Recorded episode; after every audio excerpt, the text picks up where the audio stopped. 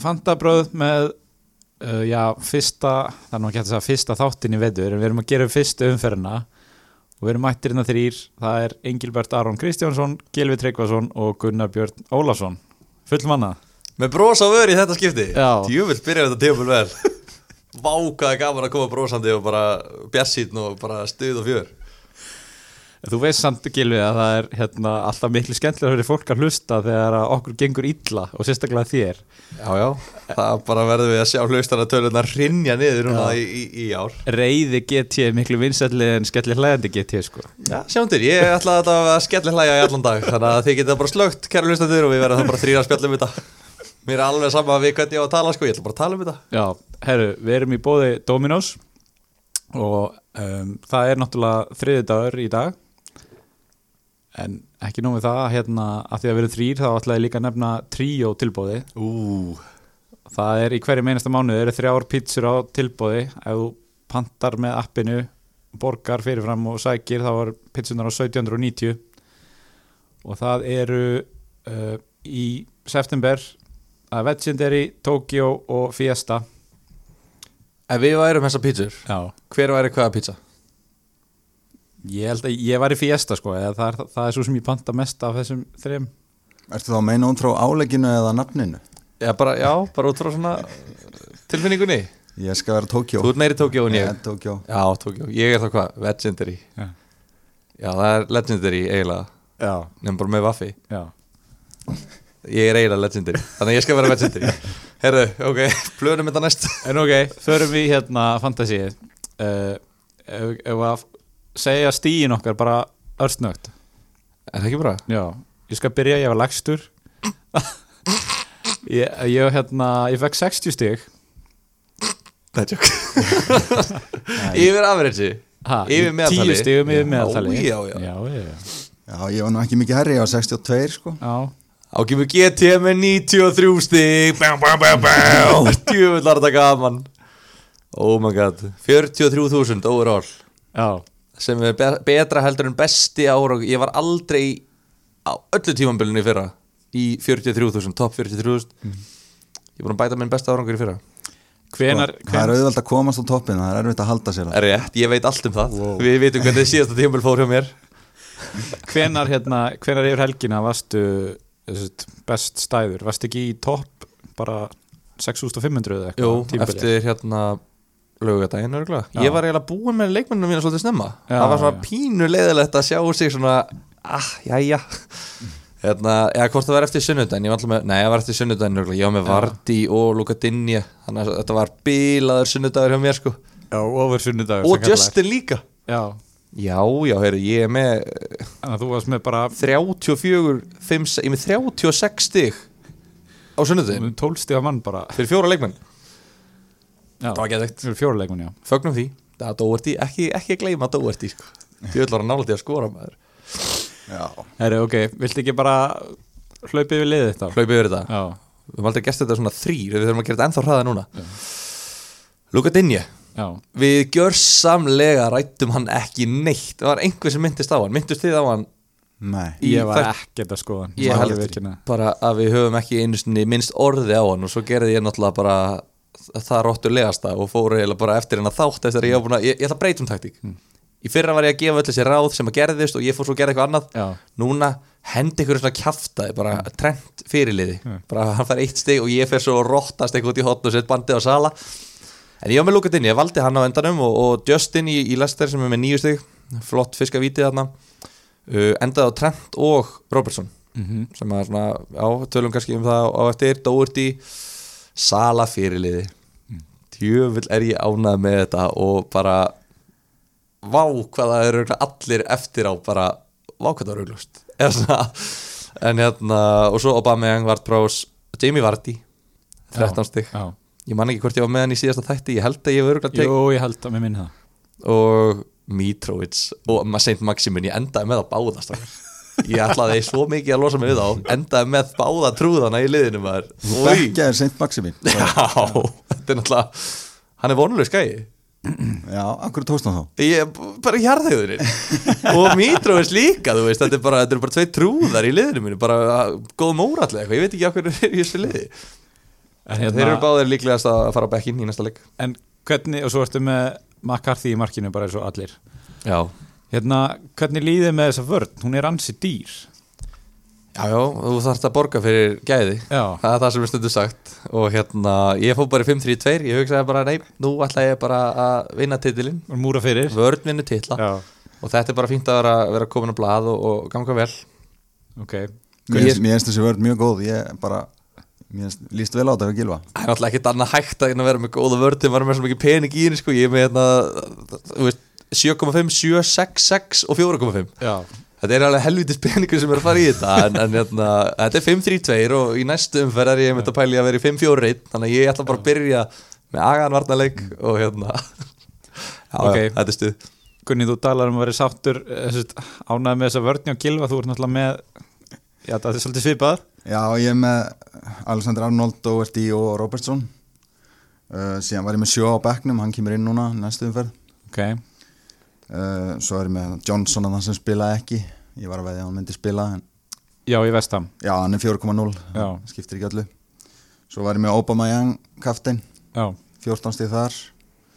uh, Sala, Vice kaftin eins og margi kannski hitt ekki á það ég, er samt, ég var aldrei að hugsa um að hafa Sala, ég var eiginlega bara með á Obama Young, ég var á- ákveðin í því já, hann er búin að vera glóð heitur náttúrulega undanfjörnum leikjum Sala ekki búin að koma að marki á undanbúinstímabilinu í fjórum æfingaleikjum var ekki góður í skildinum heldur Við kynni þessar tölur fóru fram með mér þannig að en ég er allavega að tóka hann í lið ég er eiginlega bara ánægð með það Já, því að ég var alveg að pæli að sleppa honum sko, já, og dreifa peningunum annar staðar Mhm. þannig að ég endaði með hann sem er gott svo var ég með Pereira hana Vestbrom, já, tók sensin á honum hann ger ekki neitt og átt hann einu aukarspinnu sem var ekkert spes og ég, ég er ekki alveg viss með hann, en leiðinni beint út eða, ekki núna sko Nei. ég gef honum aðeins lengri séns ok, uh, svo er ég með Susjekana, leist mjög vel á hann hann fekk nokkur góð færi ok Skallafæri hann rétt framjá maður Jú, Já. það fór um mig já, það sko. já, það var ég hef vel að sjá hann inni en já, ég, mér liði vel með hann já, svo Calvert Lúin hitt á hann hann skoraði sigumarki uh, svo er með Che Adams sem klúraði döðafæri hann hann hefði ekki enda inn í og svo Werner assist, já hann að það er liðið mitt sko, má ekki skipta þessari umferð svolítið þú veist, hún skilgrinn svolítið í þrjá hópa, það er þau sem voru með sala í kaftin þau sem voru með sala í liðinu sínu og þau sem voru ekki með sala í liðinu sínu Erum við allir þessi þrý hrópar? Ert þú Nei, með? ég og Þú ert Gunni, með Sala? e- við erum allir með sala Ég ætla að koma með eitt samt með þetta Já. Maður er ekki að tapa nema 13 stigum Já. á því ef maður er með báða og var með bandi og bameng sem Já. margir eru þú veist, þú ert að tapa mun fleiri stigum ef þú ert ekki með hann skilu þannig að þeir sem eru með varafyrirlega bandið mitt bara ekki vera of leið yfir því, þú veist, þetta er ekki það mikill missir, það eru sumir sem er ekki þú veist, sumir, tveir þriðju er ekki með sala Já. í liðinu sínu, þannig að þú veist, þetta er allavega eitthvað stig ég sá umstar það varu 800.000 sem kaftinuðu sala sem þýðir að það eru hvað, 5 miljónir sem gerða ekki já, já, skilur. já, það er alltaf, alltaf þessi hugsun það er einhverja nútið sem að, er með vera lið En já, ég fekk 60 stigar með Sala og Bamiyang uh, Dele Alli það var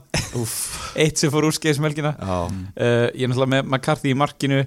Justin í vörninni Trent og Walker Peters Svo fekk ég Mitchell inn á en hann fjara miljóna varnamann úr Krista Pallas sem ég held reynu og Mitrovic á náttúrulega skellur Werner frammi og svo er ég með vini mína á Rational Bukayo Saka og William Saliba eigum að fara bara beint í fílin Er í það ekki herberginu. nú, sko, ég persónulega, Já. sem Gilvi Tryggvason Já. uh, fyrirliði og, og, og hérna var að þóttastjórnandi eða hvað sem við viljum kalla þetta ég er hún helviti þreyttur á að fá hitan yfir mig það er alltaf þið fantabræður eitthvað, hvað, nú þurfið þið að svara fyrir þetta, það var enginn að tala um þetta, nema glerugna Arsenal glámurinn Aron nú verður þú bara að útskýra fyrir hlustendum og taka ábyrð, Já. ég nenni ekki að, ég nenni ekki að vera í þessu lengur Já, hérna nú er ég stundum að kenna neyri í HÍ í markarsvæðinni og þá segjum við sko það, aldrei að segja af því bara heldur af því að að vera með einhver rök fyrir því sem þú ert að gera okay. og rökin mín þarna voru sem sagt uh, með William Saliba að um, eða kannski byrjum bara á að búka hefusaka að það var, það var svona hype train í gangi með ódýri miðmenna um að taka annarkvort Alan St. Maximin eða Stuart Armstrong og Armstrong síðan meittist þannig að þá var einhvern veginn rosalega margir að taka St. Maximin Mm. ég hugsa bara ok, ég ætla ekki að hoppa á þessa lest þú veist, ég- mér langar ekki í hann skiljanlega, Og- já. hann er umhverfur Já, og ég einhvern veginn svona, ok, datti vissulega í þá grefju að horfa mér aðeins og nálægt en vissi samt líka að ég myndi örgulega að selja þessi Arsenalmenn eftir fyrstu tvær umferðinar þannig að ég ætlaði svolítið að taka bara einhver 5-60 og síðan bara hlaupi í burtu Sko ef hann hefði byrjað hennan leik Já. eins og hann gerði í skildinum Mm. þá hefði hann verið frábært pick Já, en hann er náttúrulega með massíft rotation risk, hann er bæðið með PP og, og hérna Viljan mm -hmm. sem stóð sér nú mjög vel í þessu leik Mm -hmm. hann er að keppa við þá þannig að já, hann hefði, þetta hefði getað gengið betur ef hann hefði byrjað það er svolítið með alla leikmenna, þeir Já. eru yfirleitt betri þegar þeir eru að spila þá stig sko. það er þetta alveg rétt ok, Saliba, Já hlustendur eru öskrand á síman sinni núna sko. Það var náttúrulega alveg, það var, var allt brjálað um helgina svolítið að hérna, það var nú búin að koma frétt á .net um að hann væri að fara að byrja og ég veit ekki sem þú og skrifaðir Já, sem ég skrifaði vissulega ekki en hérna, þú, sk- þú, s- þú ringdir í haflega breið og sagðir, þú skrifar þessa frétt eða ég læti skrifa það." nei, nei en hérna, já ég bara fjall í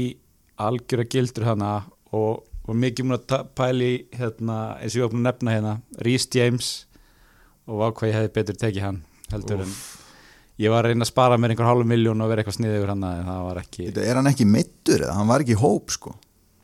Saliba? var hann, var hann í hóp? hann var ekki í hóp Nei, hann var ekki í hóp, þá er hann þá ekki meittur þau telja hann bara ekki tilbúin í verkefni held ég.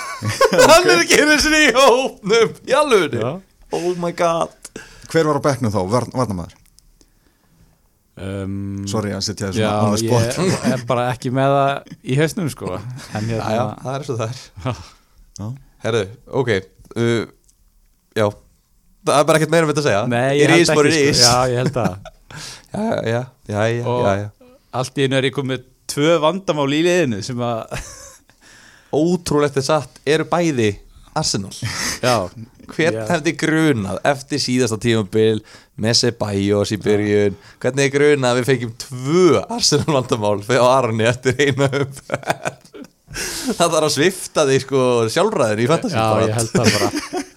Ég held að það er bara bannaðar að velja Arsenal uppgöð nema eitthvað svona tvo Ég er bara komin í einhver svona Britney Spears sjálfræði steilu ándur sko, ándur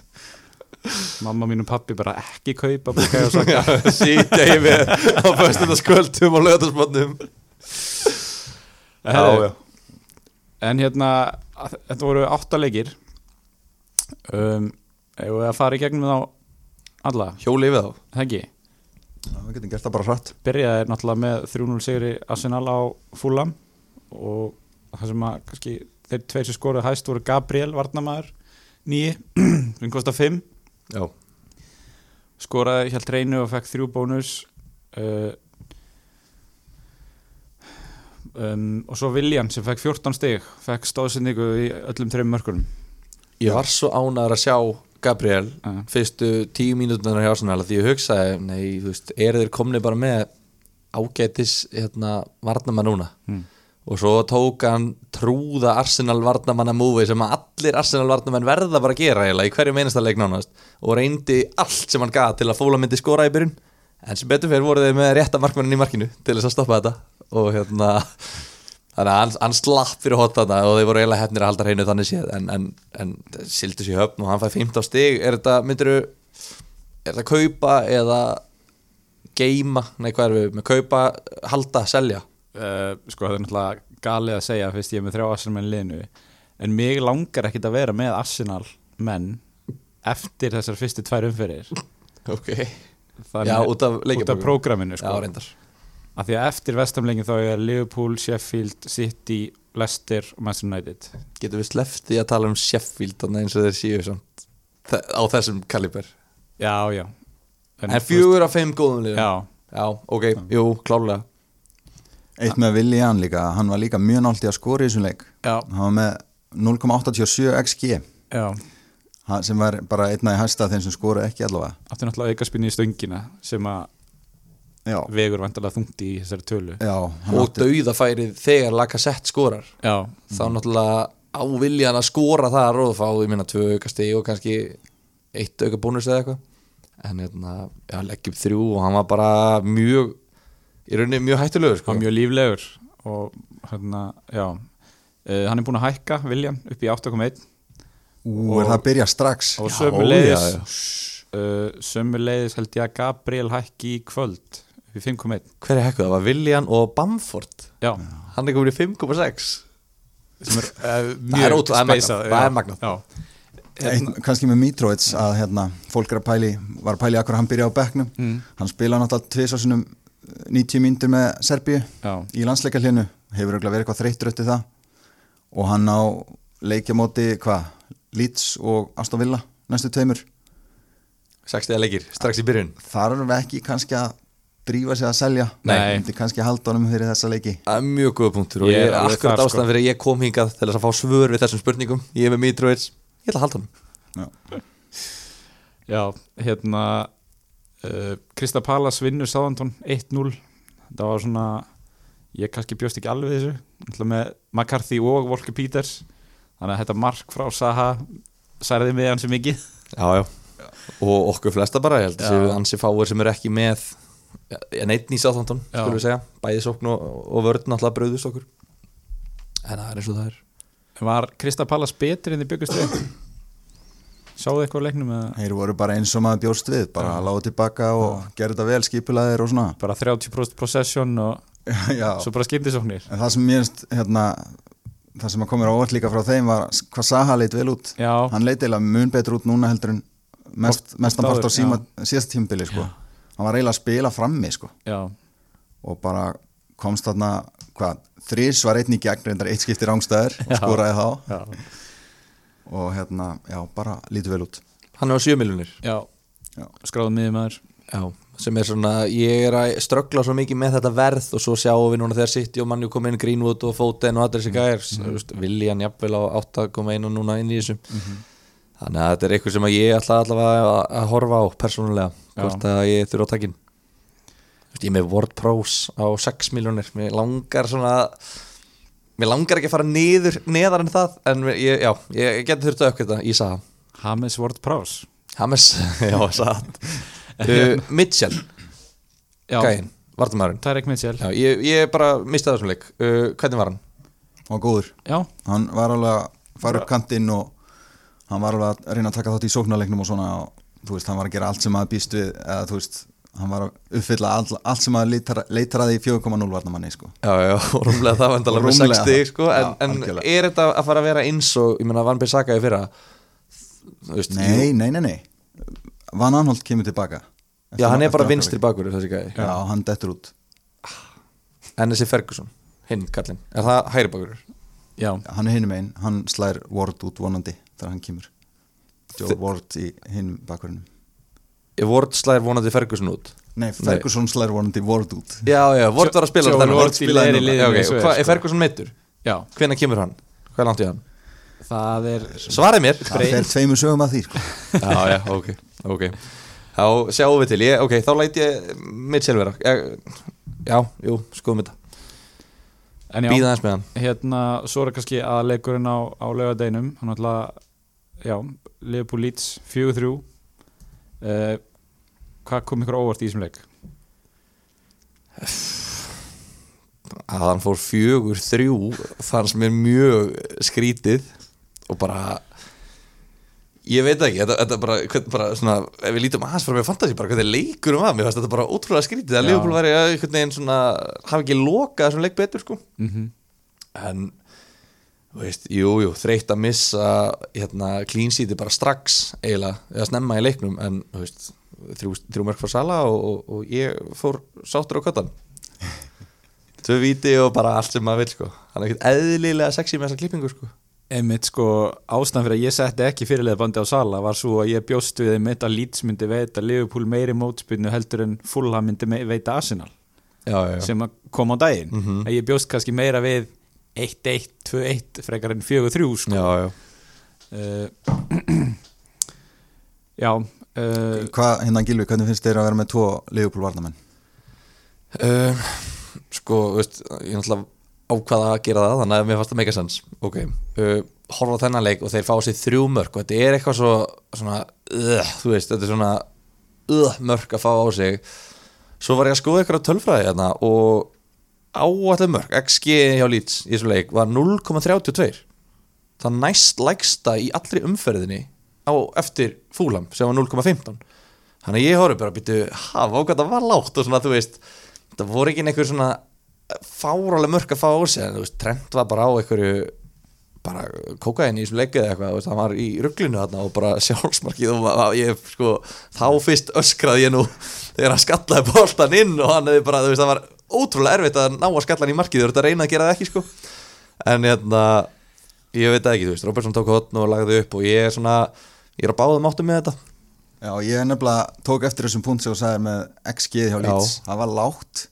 og Liverpool fekk, svo- fekk á sig sex skot sem var næst lægsta í umferðinni einmitt, Ég er bara rólega með þessa tvo Liverpool varnamenn í Já. byrju, sko ég, hérna, ég held að það hafi mögulega verið smá heppni hjá Leeds að skora þrjú meðan við þetta já, ég, klá- ég meina klálega þú veist, þeir eru að skora bara miklu meira, þeir hefði ekki átt að skora neitt mark meðan við þetta náttúrulega vandækir hérna skjálfileg mistök í einum markinu hjá þeim Já. öðru- öðru markinu á Leeds já, já, og þú veist, jú, jú, menn eru grenjandi og hlátri hérna, einhverju mannjú trúðar hlæjandi hérna að einhverju tölfrað að hann sé að leka einhverju mörgum bara já, já, þú veist gleymi hugmyndir, Já, þú já. veist, ég meina já. þetta er bara, þetta er bara mannir gæti ekki verið meira sama Já. þannig séð sko, hérna Vandæk skoraði eitt með skalla og skoraði svo en annað sem var svona dæmt af, kannski umdeilanlega sko, ég verð að segja ég var einhvern veginn aldrei á því að taka báða bakverðina en ég var svona mig langaði alveg í Vandæk á tímbili já, og eftir henn leik þá er ég bara vá, þú veist, þetta er ennþá mjög spennandi sko. mér finnst samt sko er þetta sustainable að hann sé bara að fara að vera hættulegur í hver einasta hóttinni bara, já, já, mér finnst það, mér finnst þetta einn á svona tveimur kannski sem eru sustainably hættulegir í föstum leikadröfum það sáum við þetta bara allt síðasta tímabil Já. þetta er bara hvað er með þetta er sex mjög mörg í fyrra sustainable. Já, einmitt, þú veist, þeir, þeir, þetta er bara það sem að Leopold gerir þeir eru, þeir eigða miklum tíma í að undirbúa föstu leikadröfin sín og þeir, styr, þeir eru góðir í því og það er bara einn maður sem þarf að dekka og það er Van Dijk, samt náðu þeir alltaf mér finnst ég að sé þetta mark svona tíu sinum bara loppunum yfir fyrsta vartamann og hann mætir þarna og stangar hann á næstönginu þetta er aldrei eitthvað svona langur á fjær, setja hann aftur inn í bó þetta er alltaf Já. bara eins, Já, bara já. hamrið hann á hausinn hans og hann bombar hann minn en mér finnst bara, ég er svolítið hrættu við leikina sem Leopold á, þú veist, Chelsea útivelli ég sé ekki reynd lag þar, við ekki um það Arsenal heima, ég sé ekki reynd lag þar Everton á útivelli, Astofell úti jú, mögulega, Everton úti þannig að ég er með þrjá næstu fjóruleikjum sem ég myndi ekki veðja á að þeir myndi halda reynu þannig að ég er svona svo eftir það fyrir við örugglega bara detti í vælkart sko, þannig að ég það er svona það sem ég er svona ætti ég kannski að skila Robertson og taka einhvern annan já. en ég held ég býði allavega eitt leik sjá þetta svona, leiði svo aðeins að matla betur Já. lístu ykkur vel á einhvern í Leeds eftir henn leik mynduðu kaupa einhvern ekki mér Mm, mö- mögulega þess að bakverði hérna Eilinga að Dallas sko Já. en prógramið er áfram erfitt þegar ég er endar skýtlétta næsta leik mútið fúlam skýtlega Arsenal var nokk en eftir það er það aftur orðið erfitt ég ætla aðeins að býða já, það er sama hér Bamford náttúrulega búin að hækka minnst að svona pínu skrítið hann náttúrulega spilar rétt nær 60 mínútur um hana já, ég og skorar hen- þetta markarna sem að Vandæk gerir mistökin meina, vitum við hvort þetta sé einu svona verið að vera sóknamaður nummer eitt hjá þeim ég einhvern veginn er ekkert viss um það sko þetta er bara svona dæmigert nýtjörg múf sko Já. hérna, þessi Rodrigo gæti mögulega að sleiða hann út og ef ekki þá kemur hann inn á fyrir hann eftir klukkutíma já ég, ég myndi ekki kaupa hann Kantararnir litu báðir nokkuð vel út fannst mér uh, Jack Harrison á 5.5 og Kosta sömulegis á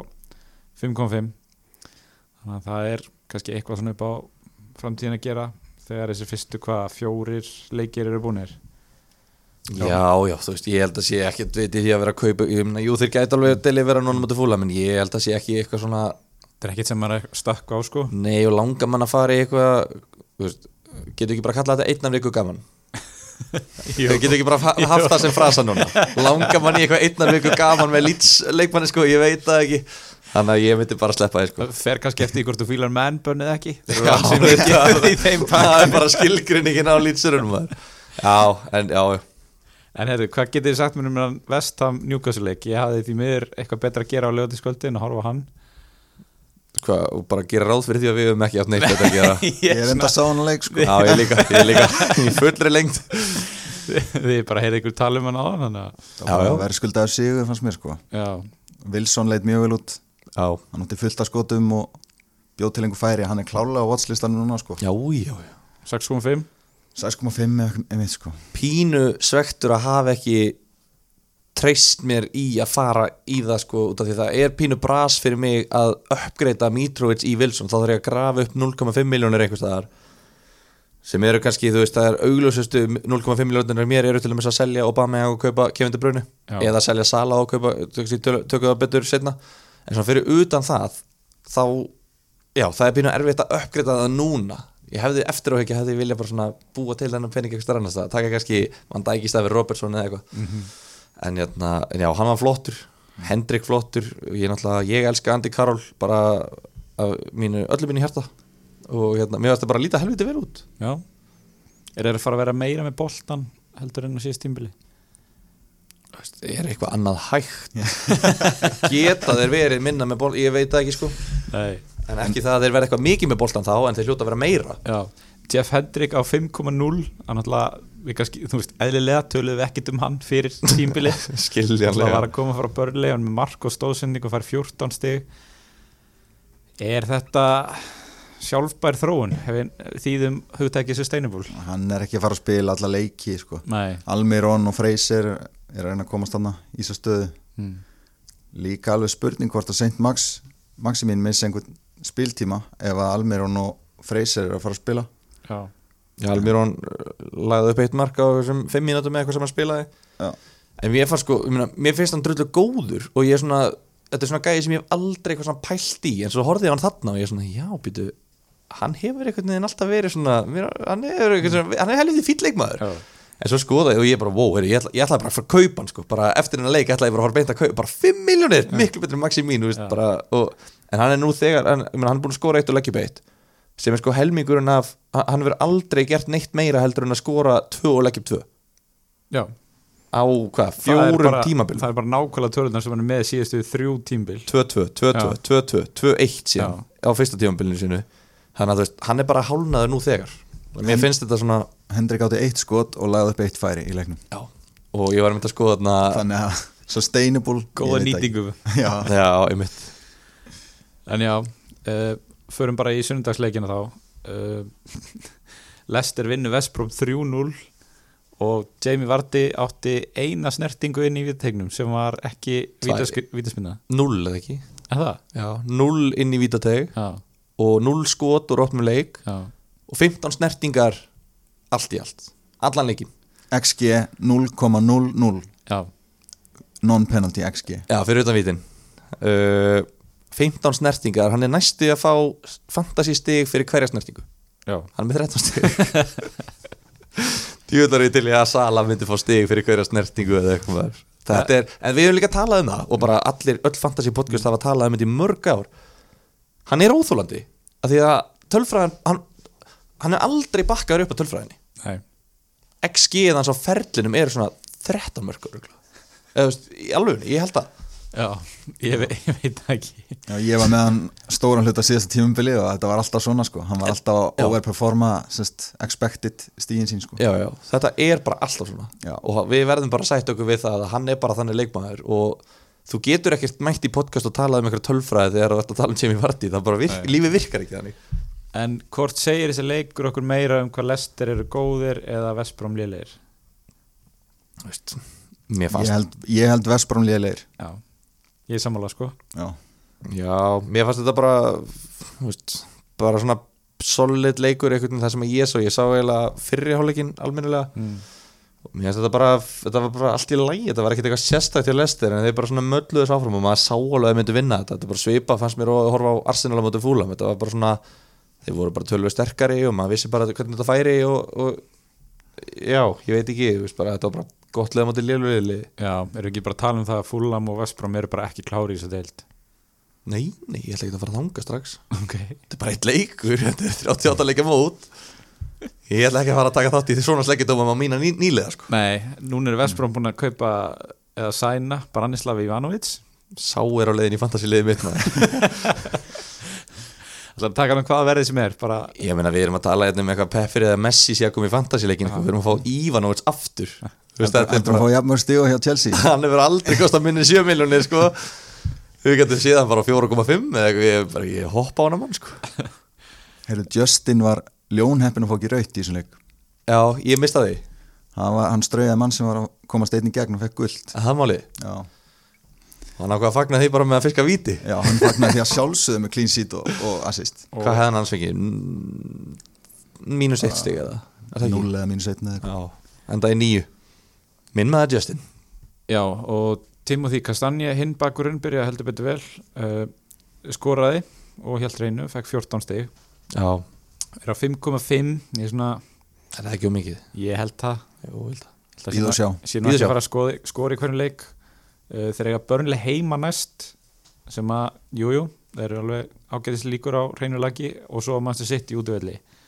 síðan reyndar vestam heima og Aston Villa heima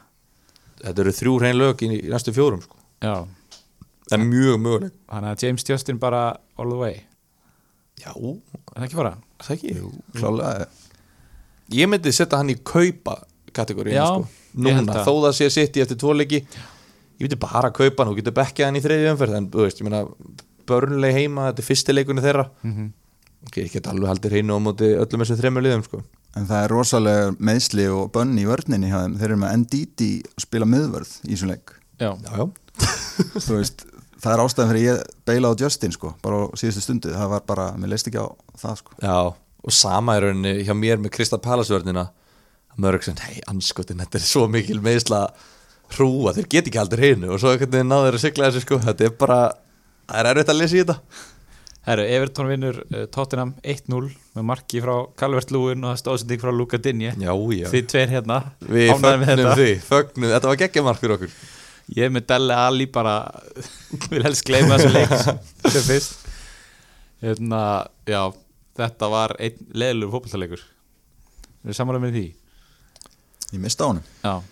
Mér fannst hann, þú veist Mér fannst Everton bara svo góðir já, Mér fannst bara gaman að horfa á það einhvern veginn, þeir bara heldur boltanum og einhvern veginn þetta bara tóttin að leita ekki út þessu lið sem að var eitthvað, er eitthvað í top 6 lið sko, þetta leit meira bara út þessu Vafbja Lester eða Fúlam Arsenal fyrir mér sko, mér finnst þetta bara útrúlega gaman að sjá Everton svona góða, út af því maður er alltaf að horfa á þetta lið og svona, vá, þú veist, þeir ætti að vera svo miklu betri og bara að fá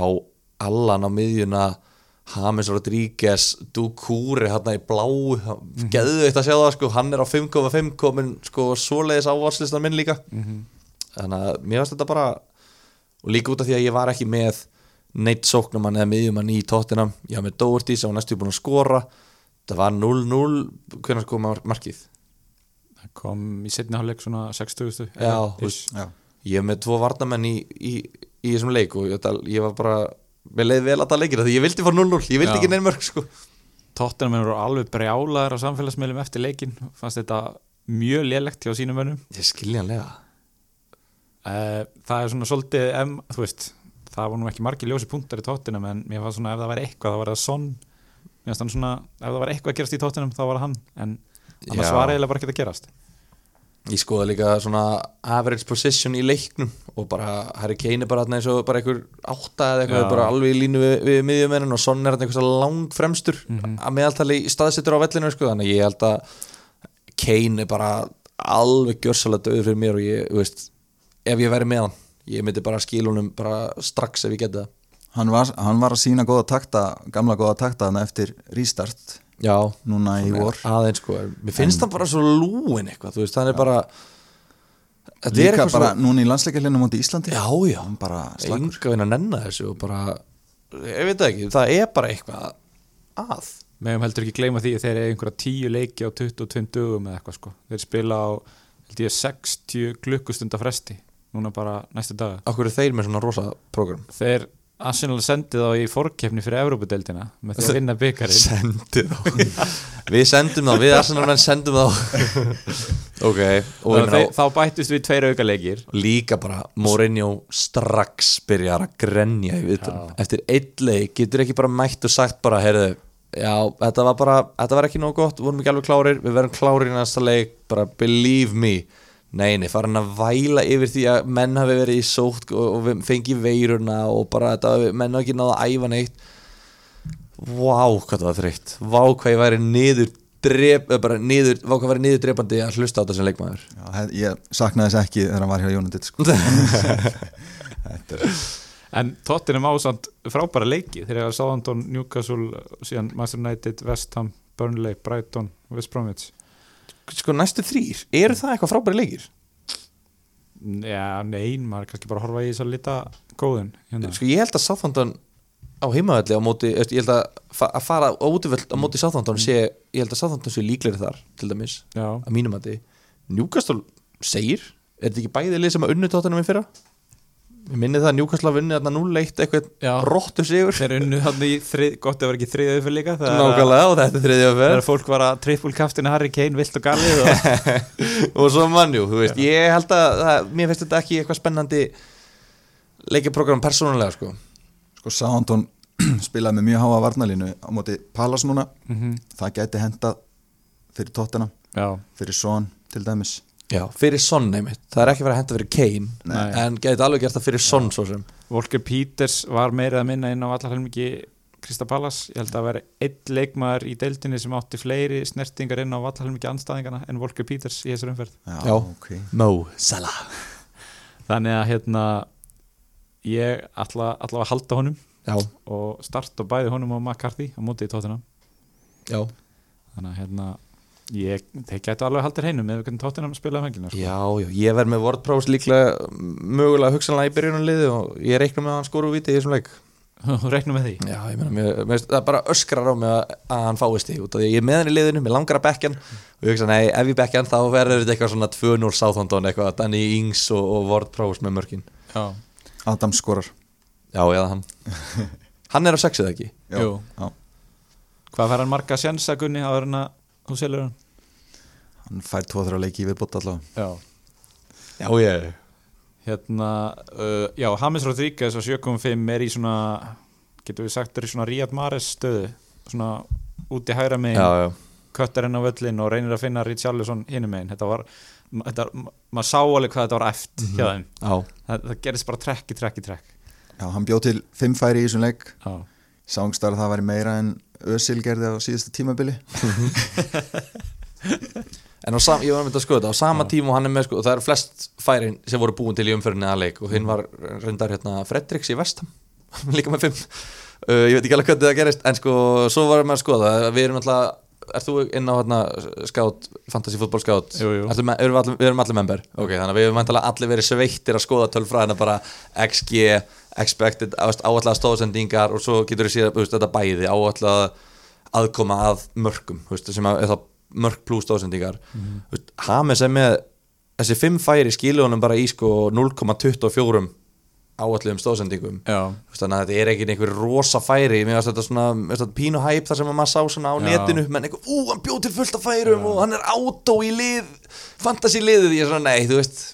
skoraði fyrst, Já. ringdu svo róum okkur sko nákvæmlega, hérna, já, hann var svolítið að gefa áskori Charlison sem var samt ekki komin það nálat markinu að geta átt skot, þú veist, Nei, það vant nei. eiginlega aðra sendingu í viðbót síðan Já. þannig að, já, svona Foden sendingin eins og ég kalla hana Phil Foden er alltaf með eitthvað sendingar upp í, upp í svæði og svo kemur fyrir ekki á mark sko, Já. óþólandi herru síðan í gær þá var það Wolves sem að unnu Sheffield United 2-0 stoppu mér, já, þú veit nú ætla ég að koma ykkur á óvart er þetta tilbúinir? Ollie, Ollie, Ollie. Ollie, Ollie, Ollie, Ollie. O L L I E. O L L I E. O L L I E. Ollie, Ollie. Já, já, já, það er komið að Olli í hotninu hérna hjá Fantabröðum Staðan er þannig að einum fyrir búin og Olli hefur skorað núlmörk í ennsku deildinni í vetur Það er sokkur á þjóðina Hve, Hvaða Olli? Allir Olli Samtals. Olli, já. Það mun ekki einn Olli skora í vetur Ég sagði þetta fyrir tímabil Menn hlóu, menn hlóu Olli er með núlmörk Það er ein umferð búin. ég, er- ég, ég var bara að segja þetta Við verðum með Olli í hotnið Aðal Ollien er búin að spila 0 leik Þetta er bara Ég meina, Olli McBurney er búin að spila Hvað varst að segja áðanum að ætlar ekki að detti í einhverja sleggjudóma og, og svo framvegis Nei, ég gerði það fyrir tíma Já, Heyrðu, Ég- eitt, eitt sem vakti aðtekli hjá mér Þú ert með Olli í liðinu þínu.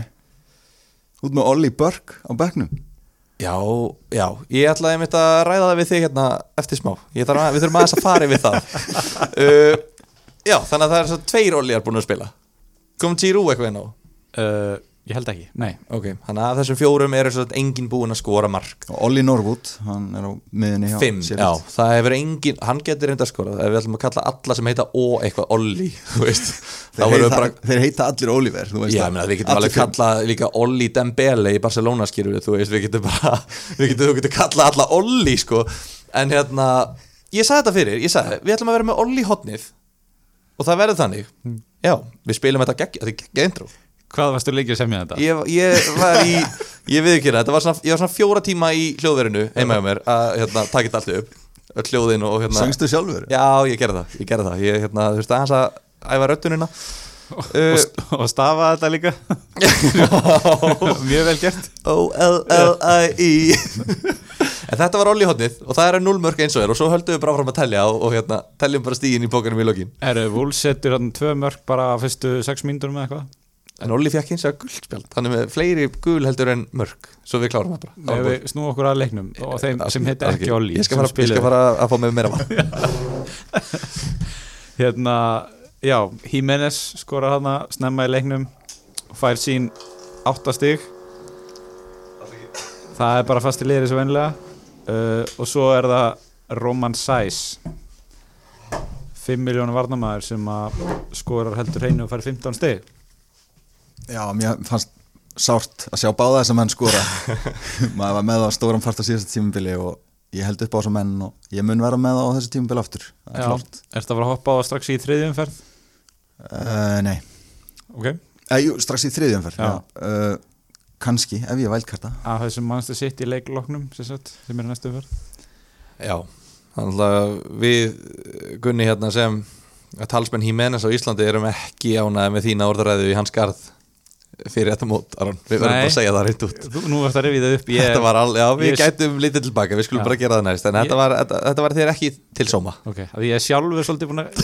gleyma því sko ég, Já, já, það er bara fínt, þetta er glemt en ekki grafið En hérna, hvað segir ég með þessa Þú vikslar Þetta er glimt en ekki grafi Hvað segir maður? Þetta er grafið en ekki glemt Já Geimt en ekki glemt Herðu, uh, hvað segir ég með þessa smáttu stóðsendingarnar sem, sem- sem spiluð fyrir aftan híminnes það var hérna, Daniel Potens og Pedro Neto Svona svipaðir snakkarlegi leikmenn báðir skráðu sem miðjumenn og kosta 5,5 Bara líta báðið mjög vel út þegar þeir spila bara alveg eins og síðasta tímubili mm þeir bara er ekki alltaf að spila, það er vandamáli Já, Adama Tróri komin í hægri bakurinn Já, langbakurinn já Það er bara flott Hann er ekkert eðla þykkur Hann hefur ekki rýrnað í þessu COVID-dæmi sko Ég veit um menn sem hafa rýrnað sko, hann er ekki einn af þeim Já, hann fekk nú veiruna Já, ég er að segja það Já. Þú veist það, hérna en hann bara þú Beist ekki á hann Ný En hann hefur náttúrulega aldrei þurft að fara í ræktina til að fá þess að vöðva Þetta er bara bara, Bara út af- náttúrulegt. þú veist, bara einhverju sem hann er að geta Já, hérna, En já, ég er ekki, ég er ekki að fara að horfa á þess að bóta eins og neto sko. Þetta er eiginlega bara, þú veist, er þetta ekki bara sæs og híminnes? í sliði Ég meina sem við erum að horfa á eitthvað skilur við, þú veist, sem að ég meina bara gaman að sjá híminnes Ég var einmitt að tala um að hérna aðeins, þú veist að maður gæti alveg séð þá hyggsta eitthvað ef, að, ef þeir eru að missa hérna tvo vangbækur og þeir náttúrulega spila mikið upp á þá í, le- í leik, leiknum sínum En þú veist, híminnes er bara fantasy geitin Já, Hann er ógeðslega bara góður fantasy leikmaður stöðugur Mjög stöðu Herru, núna man ég Akkur ég var með Williams í lípa í liðinu það var að þegar ég tók ekki sensin á Rúbin við Nagri að hann myndi starta í vinstri bakverðinu Já, já. og þetta var svona last minute decision eitthvað sem Þannig að þú ert að segja að þetta hafi verið góð ákvörðun þá Nei, alls ekki, ég hef bara, ég hef bara kom ekki inn á þetta hérna áðan og var að muna þetta núna akkur þetta gerðist, en það er kannski svolítið líka eitt sem við tökum úr þessu er að mjög margir voru með Rúbin við Nagri í liðinu og sumir, já Seldan og sumir heldunum en hann spilaði ekki neitt Nei, það þarf að skila honum strax þeir sem eru með hann Er það ekki? Jú. Það lítur út fyrir það Wolves er svona lið sem reynir með sem mest að spila á sömu 11 þannig að ef hann startar ekki fyrsta leik þá er þetta nú svolítið hættilegu leikur Já, ég held að En gaman að sjá hérna með Sheffield að sá hæsti í bónustiga kerfinu hjá Fantasí mm. mun ekki fá mikið á nafngreiningum á þessu tímabili en við verðum svona aðeins að minnast uh, varðvita minningu hans Lundström Mikið er þetta gaman að sjá já, Hann er með 15 bónus, eða, satt, í bónus.bps kerfinu Ánægilegt og talandi um skortin á 5,5 miðjumönnum uh, þú veist ekki það það er 12% miðan, Ég er búin að sjá hann í mörgum liðum ég er ánæður með samfélagið Ég meina, hann er líka samt sko, f- ok, fyrir utan það hann er að koma að nýju, hann er að búa til nýju mörk í fyrra sko, já, Þú veist, með að við 5,5 það er hvað, þrefalt meira en sent maximin, örglega ég meina þú veist þú, þú getur alveg talað um, hann er alveg hann getur auðveldlega kontentað 5,5 miljón króna slott á miðjunni en eh, það er náttúrulega, já, það eru tölvöld færri, hann var miklu, eh, þetta er svona erfitt út af því að hann var 4 miljón króna varnamæður já, við setjum hann kannski ekki í kaupa núna nei, það er ekki bara, já, nei Og ef hann væri 100% að spila alla leiki Já. Alltaf, Já. þá myndi maður mögulega pælja hann já, Já. En þessi berga er að taka á hann spilatíma Einmitt. Og talandi um það Ollíin minn Börk hérna, þú veist Ég sá, sko, ég ætla bara að viðkynna það Ég stal Börk af þér, Gunni Ég var bara í góðum gýr Með McCarthy í Krista Palace Minn maður Og leið bara vel Svo sé ég að Íslandsmeistarinn er með eitthvað Börk á 4,5 í Sheffield Og ég hugsa, nei, anskutin, þetta er eitthvað svona Norwood gæði, þetta er eitthvað svona gæði sem að tekur First leikatrið og er að fara að spila Ég nöplaði þessu pikki á honum Og svo sé ég að þú ert ekki einu sinni með hann sjálfur Þú skilaði honum Akkurat ég að vera með hann, hann spilar ekki eins og Þú varst með hann bara allan tíman þú, þú varst að tala um hann í podcasti, ég sá liðið Ég horfði á liðið þitt áður, en- áður en að umfyrir byrjaði og hann var þetta Hann var hann í klukkutíma Eftir var- hann sænaði sko, þá var ég aðeins að pælja honum Svo bara skilja hann Alveg pirrandi maður þegar kemur að dellannu fyrir fyrstu fyrirna þá er það bara no decisions are final það er bara Nei, allir hlustendum líðið svona í minn garð út af því að ég bullaði og sullaði hérna í síðasta þætti samt með hann þegar hann, hann kemur inn á bekknum og hann er að spila sem framherji og hann er 4.5 miðumæður þannig að, Er hann að spila sem frammeri? börk já, hann mun spila sem framherji í kerfinu hans Valdir, hann sagði það Wilder En sagði hann er ónótaði varamaður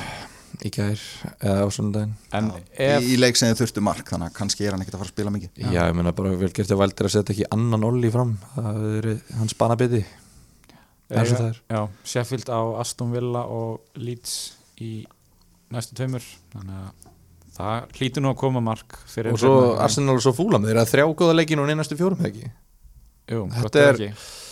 Þetta er einhver pæling fyrir varnamann Já, en talandum pælingar fyrir varnamenn þá er náttúrulega á Wolves frábært prógram eftir næstu umferð þannig að hérna er ekki um að gera hrúaði minn eftir hann að maður sittileik þetta er rosalega gott prógram taka það, hímenes og einhvern í vörðinni það þarf einhvern veginn að tróða þeim að inn sko. það er bara, Já, ég held að það sé mjög erfitt að vera ekki með Hímenes allavega og jú, Hímenes og Sæs er svona gæðin sem að mér list vel á Herru, förum þá yfir í síðasta leikinn það er Brighton Chelsea uh, þetta margir áhuga mennum ennsku deildina spenntir að sjá nýja liði hjá Chelsea eða alla nýju leikmenna uh, Timo Werner og Kai Havertz spiluðu þennan leik og já, Kai Havertz gerði meira en minn ekki neitt Hann var umulur, Já. vákvæm lélur það verðist alltaf að taka hann allavega smá tíma að venjast ennska boltanum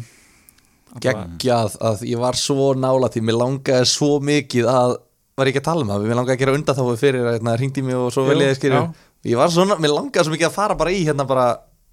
bara hvað sem er, bara kasta búmeranginu og vonaði að koma tilbaka eða eitthvað, ég veit ekki hvernig hva, ég veit ekki hvað ég er að meina,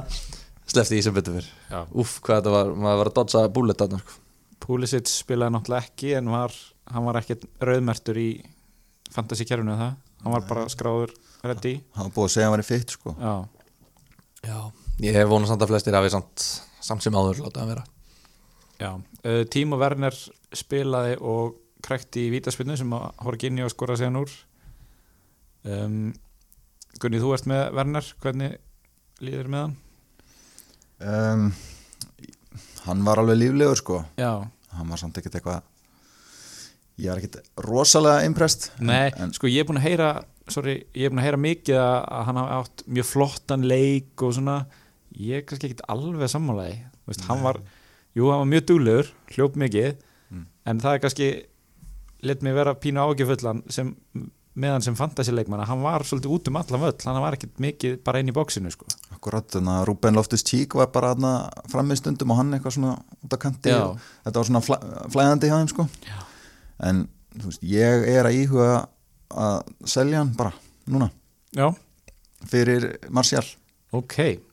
eða svona, áhugavert ég ger annað það eða ekkert Ok Ég er bara ánæður að heyra þetta Mér finnst þessi leikur uh, Nú veit ég ekki hvort ég sá þann Mér finnst hann svolítið flattera Chelsea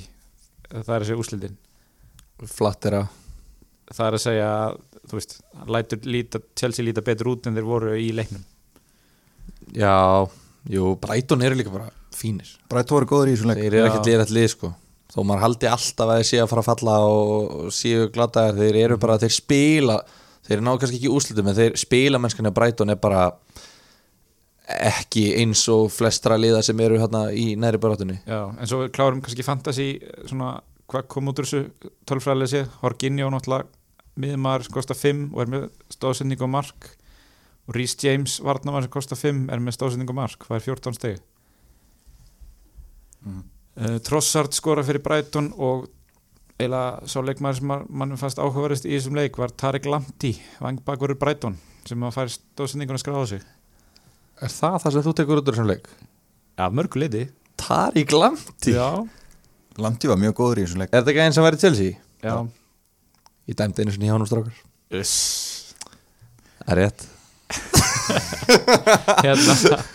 já, mér fannst hann mjög sprækur og bara óð hann upp kantinn eins og óður maður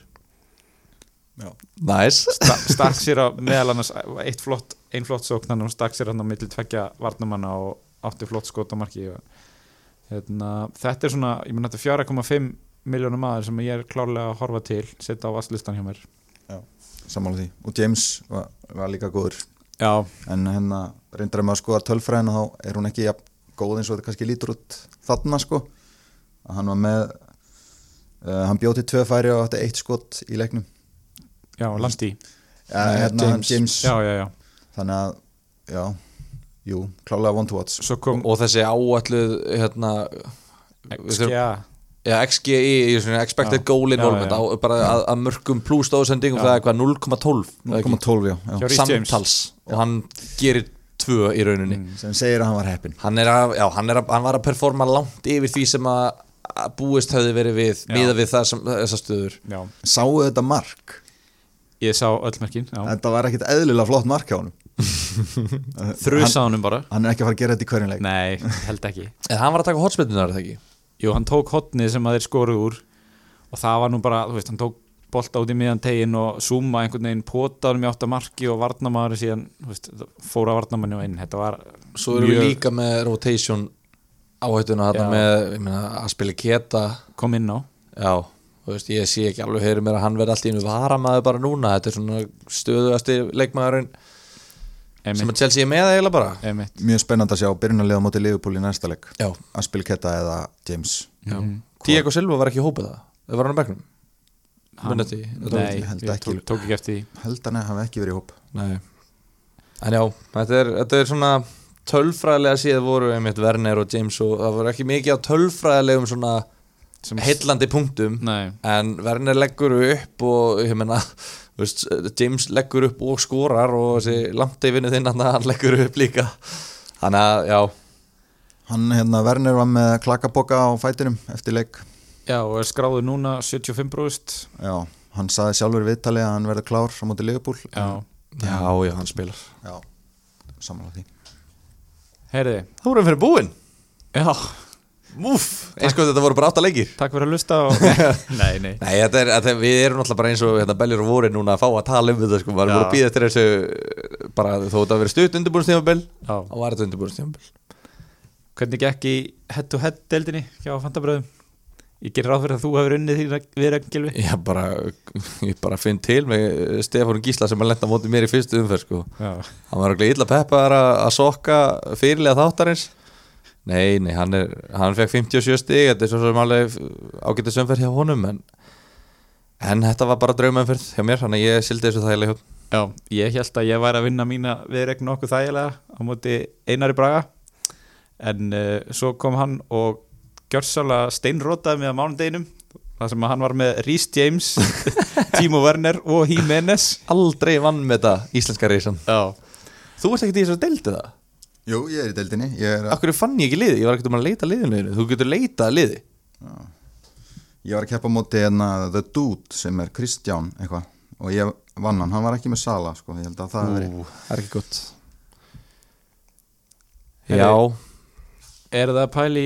Gunni, þú ert múin að segja okkur hvaða breytingar þú ert að pæli, eða Gilvi, ert þú að pæli að gera einhver breytingar? uh, maður er alltaf pæl í því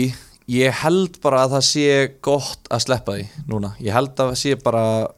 þú veist, Ég er að fara í, ég er að reyna að hlaða þessu upp hérna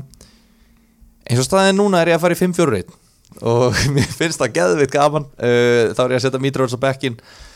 veit ekki hvort ég spila honum en þú veist ég er með Saint Maximin og Ward-Prowse þegar ég hei, veist, menn heimaleikir á móti Brighton og Tottenham með þú veist, fínar viðregnir Doherty, mér, þú veist, hann var náttúrulega að skora með langar samt einhvern veginn mögulega selja hann, ég veit það ekki ég, ég er eiginlega pæli að gefa þeim bara öllum eitleiki viðbútt, sjá bara hvernig þetta hvernig þetta fer Mhm. og eiga þá möguleikana á hinnu litla vilda spili minivalkard það er Já, líka bara fyrir- svo þægilegt að eiga tvær skiptingar, þú veist, við erum að sjá Já. Mhm. mannjú og City koma inn í þetta ég verð með De Bruyne Já. í liðinu mínu, ég veit það bara uh, mér er alveg sama þó að Aubameyang og Bruno Fernandes og Sala og Mane og Störling og fleiri þarna síðan, þú veist, De Bruyne verður þú veist, hann er stigastur í fyrra og það er ástæða fyrir því um, þannig að ég veit ekki hvort ég mér langi að kaupa núna hann er að fara að hækki verði í nótt sem er óþólandi Já, þannig að þú veist, mögulega langar mér að selja Sala fyrir De Bruyne sko í alvöru væri það alveg glórulaust þegar þeir eiga útileika mútið Chelsea, heimileika mútið Arsenal og útileika mútið Everton í næstu fjórum leikjum Mm. Þetta var nefnilega planið mitt sko svo bara henda hann í þess að þrennu og ég er eiginlega svona, þóri eiginlega ekki að selja hann lengur sko. Sko það er ekki bara þrennan, það er líka bara hann leit geðveikt vel út í leiknum Þú veist, hann var ótrúlega Sammála. líflegur, átti mikið að skotum og svona virkilega bara lúkaði Já, málið er að hann gerði það bara eiginlega alltaf á heimavelli já, í já, fyrra hann var ekkert að dritin á útivelli sem er alveg góð pæling og það er svona, þú veist, þeir eiga Chelsea á útivelli ég er ekkert viss, ég meina, mér finnst Arsenal bara búa eins og í samfélagsgildinum og svona, þú veist, þeir bara voru bara komn, þeir voru búin að bæta sér rosalega mikið að mæta stórum liðum við sáum það bara í, hérna undir, vo- var ekki voru hérna undanúrslutin í byggarnum og eitthvað svona, og úrslutaleikurinn, góðgeraskjöldurinn þeir eru að mæta þessum liðum og þeir eru bara að mæta þeim, þeir eru ekki Já. alveg, þú veist, maður vissi bara hérna fyrir einu ári þá vissi maður bara, þú veist, ég meina, fyrir mínu er bara að fara að skora, skilur, þú veist, þetta var orðið það slæmt að hann var að fara að skora mörg Þannig að ég er Þú veist Ég veit það ekki, ég gæti alveg selt sala fyrir De Bruyne sko Hvað finnst ykkur um þessa pælingu um að uh, vera helst ekki með dýra leikminn í liðinu nema þú ætlir að hafa þá sem fyrirliða Það er að segja að selja þá sala núna á þeim rökum að þú ætlar ekki að kaftinan í næstu kannski fimm umferðum Já Og það er eitthvað sem stiður, þú veist, þá þína, þín vilja til að selja hann Mm, Ég hugsa ekki þannig sko, þú veist að maður er með hérna kannski þrjá, fjóra premium leikmenn, það er alltaf einhver sem er gýrnilegur og maður reynir jafnvel að púsla því þannig að það sé alltaf einn af þessum 10-12 miljonar leikmennum sem er með heimaleik Þú veist, Aubameyang og Sala er að róta þetta ágætlega ég, ég, ég er með Vardy heima á móti börnli ég var alveg til að hafa hann fyrirlega núna maður finnur alltaf einhvern en ég veit það ekki svo er líka manni og kom inn í þetta mót með Martial, Rashford, Bruno sem er líka hættulegt en mannsæstiliðin eru bæðið að mæta liðum sem að heldur hreinu í fyrsta leik reyndar ekki á móti mannsæstiliðunum en þú veist, það er svona róa mig aðeins og hugsa, já, kannski er þetta síndveið en ekki gefin og kannski gætu þau haldið aðeins lengur úti þannig að ég held ég reyna að sleppa því að gera transfer núna og fá að sjá City og United keppa og fá bara svona einmitt að meta bara ok, hver var, lí- þú veist, var Martial bara on eða ekki og þá missi ég bara þrennunni hans ef hún kemur Já Þannig að þið eru ekki trættir við þessar verðhækkanir Nú eru bæði Bruno og Kevin De Bruyne að fara að hækka í verði í nótt 0,1 Já, Ég líka ætli bara að láta það vera og það er, það er það sem pyrra mig við þetta Sko það eru leikir í miðri viku og það er bara vinnuregla hjá mér að ég ger ekki breytinga fyrir það sko. Vinnur ekki Byrju hvaða leikir er meðri viku? deildabyggarinn Já, hann núna? Já, Já, ok, jú ó, Þetta er þetta ekki vinnur ekki hjá mér en ég, Vitið ég- hvernig Sá þetta er- besti er með þetta þá þarf ég að tilhengja mér þetta vitið þið hvernig þetta er flokka Hva, Er það liðin sitt, sem lenda á neðra skiltinu Sætið 10 til 20 sem að taka þátt núna Því það er- virðist ekki vera öll liðin eða hvað Ég er bara ekki að klára því sko. Nei.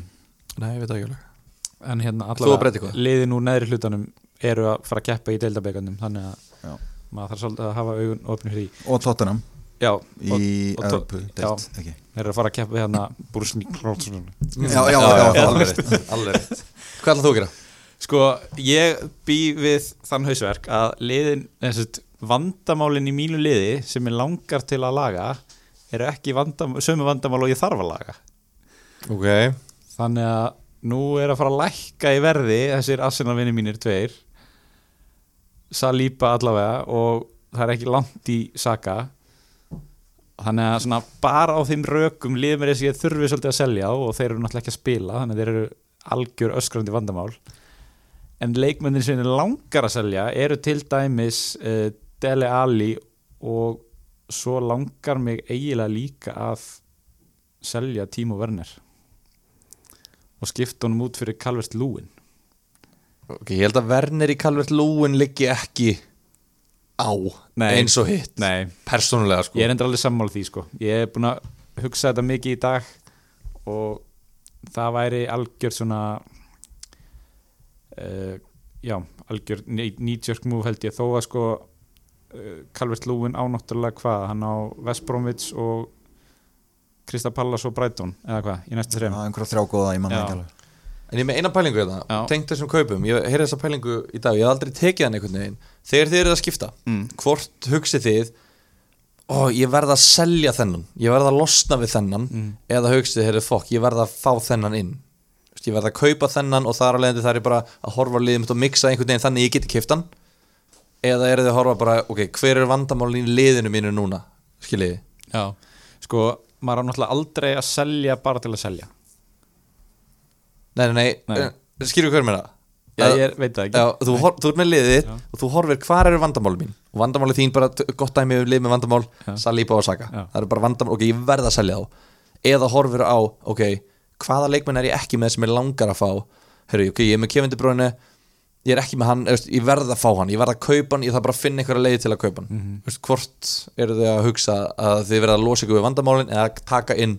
bestu gæðina sem ég verðið að fá Meina hvort þú setur í forgang Já, Sko oft öskrar það á þig ef það er einhver sem er alveg að brillera og er á mjög góðu verði og verður bara að kaupa hann Nákvæmlega. eða þá einhver sko 12 miljónar maður er mittur eða eitthvað Já, það verður að já. selja hann Já. en eins og í þessu dæmi sem að við erum með hérna bara í liðið hans Arons það er eiginlega gott dæmi sko hvort allar að gera, selja einhvern sem þarf að losa eða kaupa einhvern sem þarf að kaupa svaraði nú Mér skil ekki að við sitjum svona tveir að móti eða eitthvað svona að gefa þér hýta í dag Sko, ég planið var náttúrulega að gera ekki neitt og eiga transfer inni fyrir næstu verð en ég þarf náttúrulega að ná í lið samt þannig að hérna ég rekna með að selja annarkotna þeim mér langar alveg að að kaupa sko Rhys James fyrir Saliba en það er samt of riski ef hann er ekki að fara að starta Áttu pening í bankanum? já, ég á eina hálfa í bankanum sko Einu og halva já Já, ok Þannig að ég er búinn að gera allskis útfæslur á þessu og planið er náttúrulega planið er náttúrulega líka svolítið að breyta sko Deli Ali í Bruno Já, Og þú, þið vantar þá eina miljoni viðbúti Já. Þannig að þú ætlar að fara í mínusinn, fyrsta mínusinn Nei, ég er samt Eftir eina umferð Sko, síðan er ég líka að horfa í það að eftir komundu umferð ætla ég að breyta Aubameyang í Kevin De Bruyne eða Störling en allum líkindum Kevin De Bruyne þessi hálfa miljón sem skapast þar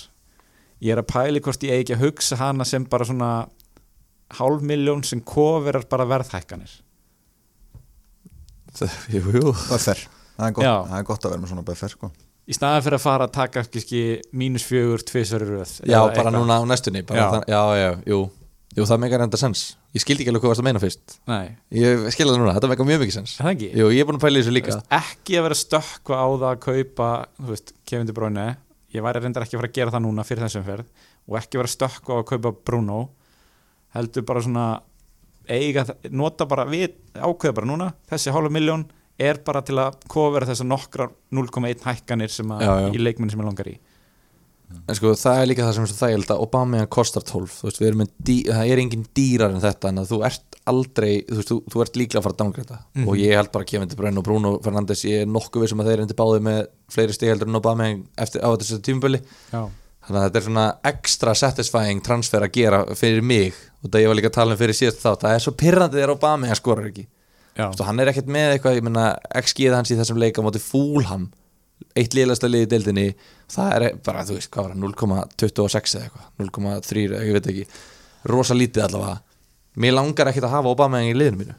Nei, hann, fekk, hann fekk eitt dauðafæri fyrir utan markið Já, uh, og hérna gerði bara ekkert svaklega vel í því því miður en hérna uh, þangar til annar kemur í ljós þá tekur hann vítin við ætlum að við reiknum með að viljan takja ekki vítaspinnur á hann er ekki Bruno og Kevin De Bruyne líka vítaskettunar? jú, svo náttúrulega hvað rugg var þetta á sitt í fyrra eða, þú veist, í loksíðs tímbils þegar Störling var farin að taka vítin og eitthvað Já, þá ertu komin ansi langt í vítaklúrum sko þegar Störlingi farin að vera vítaskettunar Herra, já, uh, Greenwood kemur náttúrulega inn eða þú veist ég er hann allt í einu pínu stressaður um að hann sé síðan bara ekki að fara að spila ég held að hann sé ekki að fara að spila á hann hvaða er, hann er búin að vera að æfa einn í, síðan hann kom heim frá Íslandi já, og bara smá skammakrókur bara, Já. eitt leik ég held, ég held það Ég held að Ok. væri allavega ótrúlega skrítið að kaupa Greenwood eða Foden já. án þess áður en þú sér það þeir eru, þú veist, þetta er ekki það mikið sem þú ert að missa það er ekki margi sem eiga þá þannig að ef þeir byrja inn á að skora fjögumörk þú ert ekki að missa marga fram úr þér og bara svona, það, það, það, það er miklu meira sem getur farið úrskeiðis heldur en sem þú getur grætt á þessum kaupumöldi, þannig að ég myndi algjörlega sleppa þessum tveimur vinum okkar Herri, ok Hvað hérna, hvernig ætla að vera með sem kaftin næstu umferð? bara ég ég ætla að vera með Obama Young aftur Er það ekki? Jú, Ég ætla klálega að gera það líka ég, Mér finnst ég bara verð að gera það eiginlega út af því að, ég meina, Sala á móti Chelsea út í velli, ég hef bara ekki mikla trú á því Nei, Uh, Þetta er á milli, á, á milli Obameyang og Jamie Vardy Ég á með Vardy þegar ég vaknaði í dag og nú er ég búin að breyta í Obameyang Ég held ég muni flakka á milli hmm. Ég vil ekki vera með Obameyang sem fyrirlega Mér langar það ekki, ég hef enga trú á honum neitt sérstaklega En Vestham líti ekkert eitthvað brjálaðslega vel út Heyrðu, hann var að skrifa undir samning í dag Já, reyndar sáði myndbandi, já, rosalegt myndband og menn skora alltaf þegar þeir eru búin að skrifa undir nýja samning Reyndar Ég las eitthvað, eh, var, var að tala um í myndbandinu Hann vildi vera góðsögn í klubnum og eitthvað já, Já. Já, ég er reynda, það var reynda punkt, ég var bara að gleyma því ég, Það var ástæðan fyrir að ég skipti á hann Það var ég bara, já, ok uh,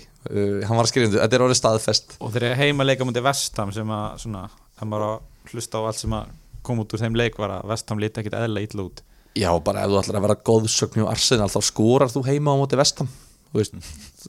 Týri hann rífar ekki að mæta vestam heima og sleppa því að skora sko. þannig að vinsanlega skoraði ef ég vel, vel bandið á þig Já Hérna,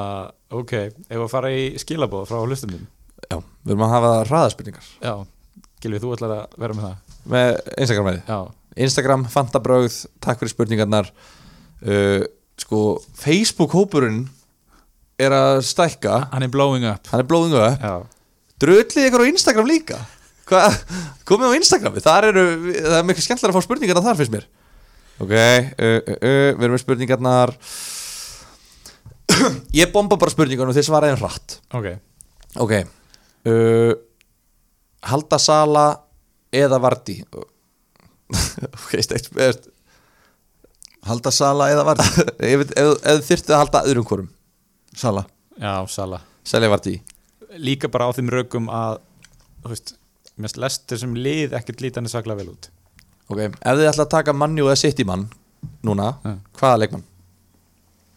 í þessari umferð þá, núna bara, Já, fyrir bara næstu. hvað, hvaða manni og sitt í mann á að takin það má segja engan Já, annarkvort Bruno eða Marcial Já, samanlega en þið ætla samt hvoru er að gera það er það ekki? og ég er að pæli að taka Martial Já, ok Mér langar að taka Bruno en ég held ég geimi það einu um fyrir viðbót Og þannig að engan sem sagt. Já, líka bara ef, að- ef að því ég er með Greenwood sem kemur núna inn að bekknum hjá mér hvað hérna hvað gerir ef að hann spilar ekki þú veist ef að ég er þá búinn að kaupa Bruno Já, þú veist, ég einmitt. vil þá frekar bara geta breytt honum í Já, Bruno skilur Hvaða 4,5 miljón krónar leikmaður er must buy eftir fyrstu umferð? Bannaði sér langt í kemur fram í hvaða stöðu það? Nei En ég reikna ekki með að sé neitt must buy á miðjunni eða frammi það er þetta hárrétt hjá þér. ég fannst bara engin þú veist, þú veist ekki, ekki flýti ykkur að gera skiptingar bara af því að þeir eru að reyna að kaupa einhvern sko. Er Justin ekki nála því eða? nei, ég, my- ég myndi ekki segja Justin hann leita ekki vel út í leiknum hann leita ekki vel út og, og þeir eru með meðsli í vörninni en svo er hann pottet að fara rakinstíðum að það bara að segja það ég skal segja, ég skal segja ég, Mér finnst það nála því að vera must buy með þetta leikaprógram og bara og allt þetta sko já, uh, Viltu hafa Sala sem fyrirlega mútið Chelsea? Já eða nei? nei, ég ætla ekki að gera það sjálfur en ég mynd ekki, þú veist, stoppa neitt nýði Gabriel Arsenal, já eða nei? ekki núna setna já. Uh, gott prógram framöndan hjá Everton ætlaði að taka inn miðjumann frá þeim Mm, það væri þá Dukúri frekar en Hames það fyrir bara eftir hvað átt mikið penning ef það passar inn í liðið þitt, þá finnst mér að góð hugmynd já. okay. er Dinni orðin betri kostur en Doherty? sem einhver sem er með kóruðan þá ætla ég bara að segja já ég ætla að segja nei, ok, ok, ósamála I like it, I like it uh, Callum Wilson við tölum um hann uh, Spurs, geima eða gleyma er þetta kannski að tala um lið í, í þessu en við tölum alveg um það líka hvað kom ykkur mest á óvart í þessari umfyrð? þetta er svona þingar sko. Já, sko að einhver leiti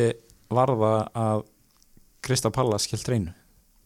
eða þú veist bara hvað Krista Já. Pallas voru betri en ég bjóst við Já. því að maður horfði á vörninu hjá þeim og það var bara allir rauðmertir og maður hugsaði bara, þú veist, er þeir bara að fara að ná í vörn sko. nákvæmlega og, og lítskoraði þrjú á anfíld já Já, og hvaða Game Week 2 klísju ætti maður að forðast þessi er skemmtileg forðast að bara bandvagons, bara eins og hvað með er bandvagun? það er bara að kaupa leikmenn sem að stóðu sér vel í einni umferð og er nokkuð auglöst er ekki að fara að standa sér svona vel alltaf bara eins og Jorginho til dæmis og Jeff Hendrick er ég Já. ein, einnum að finnast þetta nei, ég er samanlega þessu Já. ok, ok Bamford, þú veist, eitthvað greinlega dæmi sem er í gangi núna S- að vera of mikið kannski að festast í að skoða verðhækkanir og segja ok, ég verða að kaupa Bamford út af hann, hann er hérna að fara að hækka eða panika eða vælkarta eftir fyrstu umferð Já, eða selja Mitrovic núna bara á þeim raukum hann byrja ekki þennan leik sko. já, nei, ekki gera það nú er ég sko, ég eftir að hafa átt mjög góð umferð þá líður mér eiginlega ég held að ég sé stressaður fyrir næstu umferð heldur en all- allir hinnir, út af ég kom með fórskot en ég er nánast vissum að ég muni missa það út af því að ég er kannski ekki með þú veist, ég er kannski að sleppa svolítið, þú veist, ég minna eins og tímavernar eða einhverja svona leikmenn sem að margir eru með það er ekkert ólíklegt að þeir deliveri bara í le- um- umferðum með tvö og þetta jafnins bara út þannig að ég er, ég er drullu stress, mér langar frekar að velkarta og fara bara núna í eðlilegu liðin og það bara, og sigla bara með mín kannski 30 stiða fórskot bara, vera bara með sama lið og allir þannig að ég, ég svona það, það er ekkert, þetta er ekki búið eftir einu umferð Já, uh, uh, uh, ræða viljan takk við erum búinir það að því ekki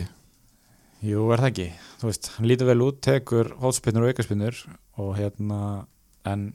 bara prógrami sem Assen lá, þú veist, allavega ég ætla ekki að ég er ekki að pæla í honum, en eftir það kannski á maður að losa sig við Pepe Já, Já, ég held já, að það sé alveg takk. klárt sko. já takk, Selja Mitrovic tókum það líka uh, á að vælkarta strax er það ekki bara sama og ég var að tala um eða ég, það þarf að vera virkilega slagt lið til að gera það núna sko. Já, og einmitt liði þarf að vera slagt ekki stígin fá, þú getur alveg verið með Það De er ekki það Bruyne, sama. Bruno, Störling og hérna með null stíg en einmitt, þú veist, það þarf að- að pæla líki í liðinu líka sko prófiði að hérna, gera breytingarnar sem ykkur langar þá að gera finniði þá lið sem að þið væru sátt með áður en þið í raun og veru hugsið um að íta á Já, já. vældkartakan ekki hugsa um að taka vældkartið og fara síðan að pæli hvaða breytingar þú ætti að gera Já, þetta já. gerir þetta öfugt bara s- bara, bú, bara gera sitt besta lið Já. og segja bara ok, ég meina, þetta munar kannski þremur skiptingum, Já. Mm. eða eitthvað, ok, ég ger eina núna eða enga og geim þetta og svo hérna upp á allspurningi mín sem að við erum alltaf búinir að ræða hálfan þáttinn uh, útskýra það eða þú spyrir sér að hvaða spurningar eru þið með, já, hvað er við að tala um útskýra það hvernig þið plötuðu almenning að kaupa Saliba og hann var bekkjaður þetta lýsir bara reyðinni það var, það var, menn voru reyðir og ég skilða vel, Já, þetta var ekki bóðlegt þetta var ekki bóðleg hefðin hefur Það er deil að senda þessum blóðumvönd já, ég þarf líka bara að gefa fram mér formulega yfirlýsingu bara já, og bara Ég- hugsa þinn gang gerðið sekur um alveglegan domgrindabrest og og svo framvegis bara Herri, ég var að taka hérna á Facebookinu já, er, það kom uh, á maður að byrja að hamstra ódýra lýtsara núna nei, Á, nei, er Sala búin og besta skifir í, skipta yfir í Kevin De Bruyne guð minn alma er hann búinn já, hann skora bara þrjú mörg í, á þessu tímabili uh, margi flotti bakverir meðal annars uh, James, Lamptey og Lewis við tölum ekkert um Jamal Lewis í Ljungasvól er það eitthvað sem að maður á að skoða? hvað kostar hann, 4,5 Já. Ég, ég horfði á hann að leik og ég man ekki eft- eftir honum einu Nei. sinni. ég, hann allavega, ég tók ekki eftir honum Nei, ég veit það ekki, þú veist Ég meina, ég veist ekki að því að vera með 4,5 miljón krónar varnamann í Newcastle sko, hvort sem það er Lascelles eða Lewis eða, eða einhver sko, ég hef alveg trú á því að þeir munu halda hreinu kannski 8, 9 sinnum í, í vetur en, en hérna og þeir eru með fínt prógram Já, já, þú getur alveg, þú getur alveg tekið hann að nóga kostum á 4.5 Já. En engin svona kannski alveg stand out Nei, ekkert sem öskrar á mann um, já, Er þetta ekki meir og minna allt sem við erum búin að Þetta er ræða? meira minna Roman Size, þú veist, er Já, þetta hefni við eða- töluðum um það. já. Um, já, Tottenham þú veist, er Kane er bara cancelled er það ekki og og það er þá Son er, þú veist, mér finnst ég myndi samt ekki kaupa Son sko Þú veist, Nei, nei, nei nei. en ég myndi kannski halda honum ef, ef ég væri með hann Já, samanlega uh, er vægi í Horginjó í vetur eða Mason Mount ekki orginni og veit ekki með mátt, ég sá ekki mikið á hann kannski ef að Mount er að fara að spila alla leiki hann hann kostar bara 7 já, geti orðið möguleiki setna finnst bara engin leið að segja fyrst að sko, Hakim Ziyech og Pulisic voru ekki með Nei, mitt Þú veist, þeir báðir vantarlega koma til að keppa við mántum stöðu í liðinu þannig að já, satt Ég segi bara líkilegri þessu sé bara að reyna að panika ekki eftir fyrstu umferð og bara anda með nefinu þó það sé ógslarvitt Já. en bara ég ætla að reyna allavega að setja mínu transfer já, og þið þjappi líka ég er rosalega ofta að minna með um helgina ekki panika Já, ég líka maður þarf alveg að tala það við sig alveg Já. að segja bara heyrðu, rólegur, rólegur, rólegur það var erfiðar eftir því sem leið á Já, einmitt Þannig að þetta er bara, við sjáum bara hvernig þetta fer og eftir næstu umferð þá munum við vera vonandi með fleiri svör já, er þið með eitthvað fleira? Gunni, ert þú með eitthvað? Vil koma? nei, nei, ekki sérstætt sko Nei, Þetta var Ég vil bara ítreka við framhalskóla nefnendur og grunnskóla nefnendur að eh, ég var ekki alveg nú ánað með þetta síðast ég baði, um að, baði ykkur um að senda vera ekki að panta tíma hjá nefnju uh, það var gjörsamlega hunsað uh, hunsað ég fekk bara takk fyrir þetta en nei takk uh, ég ætla að panta tíma bara fjóra tíma í vikunni þannig að hérna já, það má alveg aðeins slaka á sko, Það- menn verða að hafa hérna smá work-life balance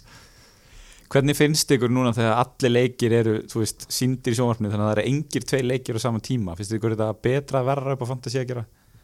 betra Já, Klárlega bet- betra. upp á fantasi að gera betra sko ég meina, það, þú getur alltaf kveikt á sjóðorpinu og alltaf leikur, þetta er bara draumur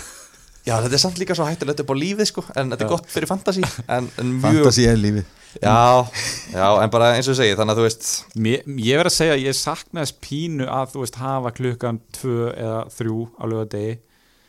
að þú veist setjast niður og það eru fimm leikir í gangi og stíin svona hrúast inn eða eru tekin frá þér fyrir clean sheet og þú veist það svona gerir svolítið margt í einu núna er þetta bara svolítið svona það eru tveir leikmenn að spila, það er einn leikmenn að spila Já, já, já, þú veist, reyndar og þú veist Maður er alltaf að tjekka Já. og svo bara notification "Hó, Hver var þetta? En sko, og kannski í lokin líka Bara lokapunktur er svo þetta sé alveg á hreinu Ef þið ætlið að gera svo í síðustu viku Og bara ætlið samt að fara bara inn á Nemja á Facebook og pantatíma mm. Nennið að gera mig greiða Kíkja á leikjaprogrammið og þið, til dæmis, sunnudagur 15.30 Chelsea Liverpool, ekki óskipti tíma klukkan fjögur gerið það klukkan 17.30, þú veist, megar það ekki sens já, Jú. bara Eða- please fylgist aðeins með þessu og bara, þú veist já, takk fyrirfram þakkir hverja GT, Geitvin Tryggvason Your haters er að fara að bóka tíma þarna það er já, klárt. já, ég er alveg viss um það en, en bara please ekki Herði, þá hérna segjum við þetta bara gott eftir þessa fyrstu umferð það er kannski ágætt að minna á í lokin að hérna, fyrir það sem er hlusta strax að uh, verðhækkanir í nótt það eru Bruno Fernandes, Kevin De Bruyne og Gabriel Calvert Lúin fer ansinn álóti, hann fer ekki við línuna og þeir, þeir sem eru að fara að lækka eru Cedric, ég vona nú enginn sem er hann Mina Mino og vinu minn, Saliba dýðlega er spennt að vera í næsta olíhotni maður Herri, og segjum við þetta gott í bili og heyrjumst í næstu viku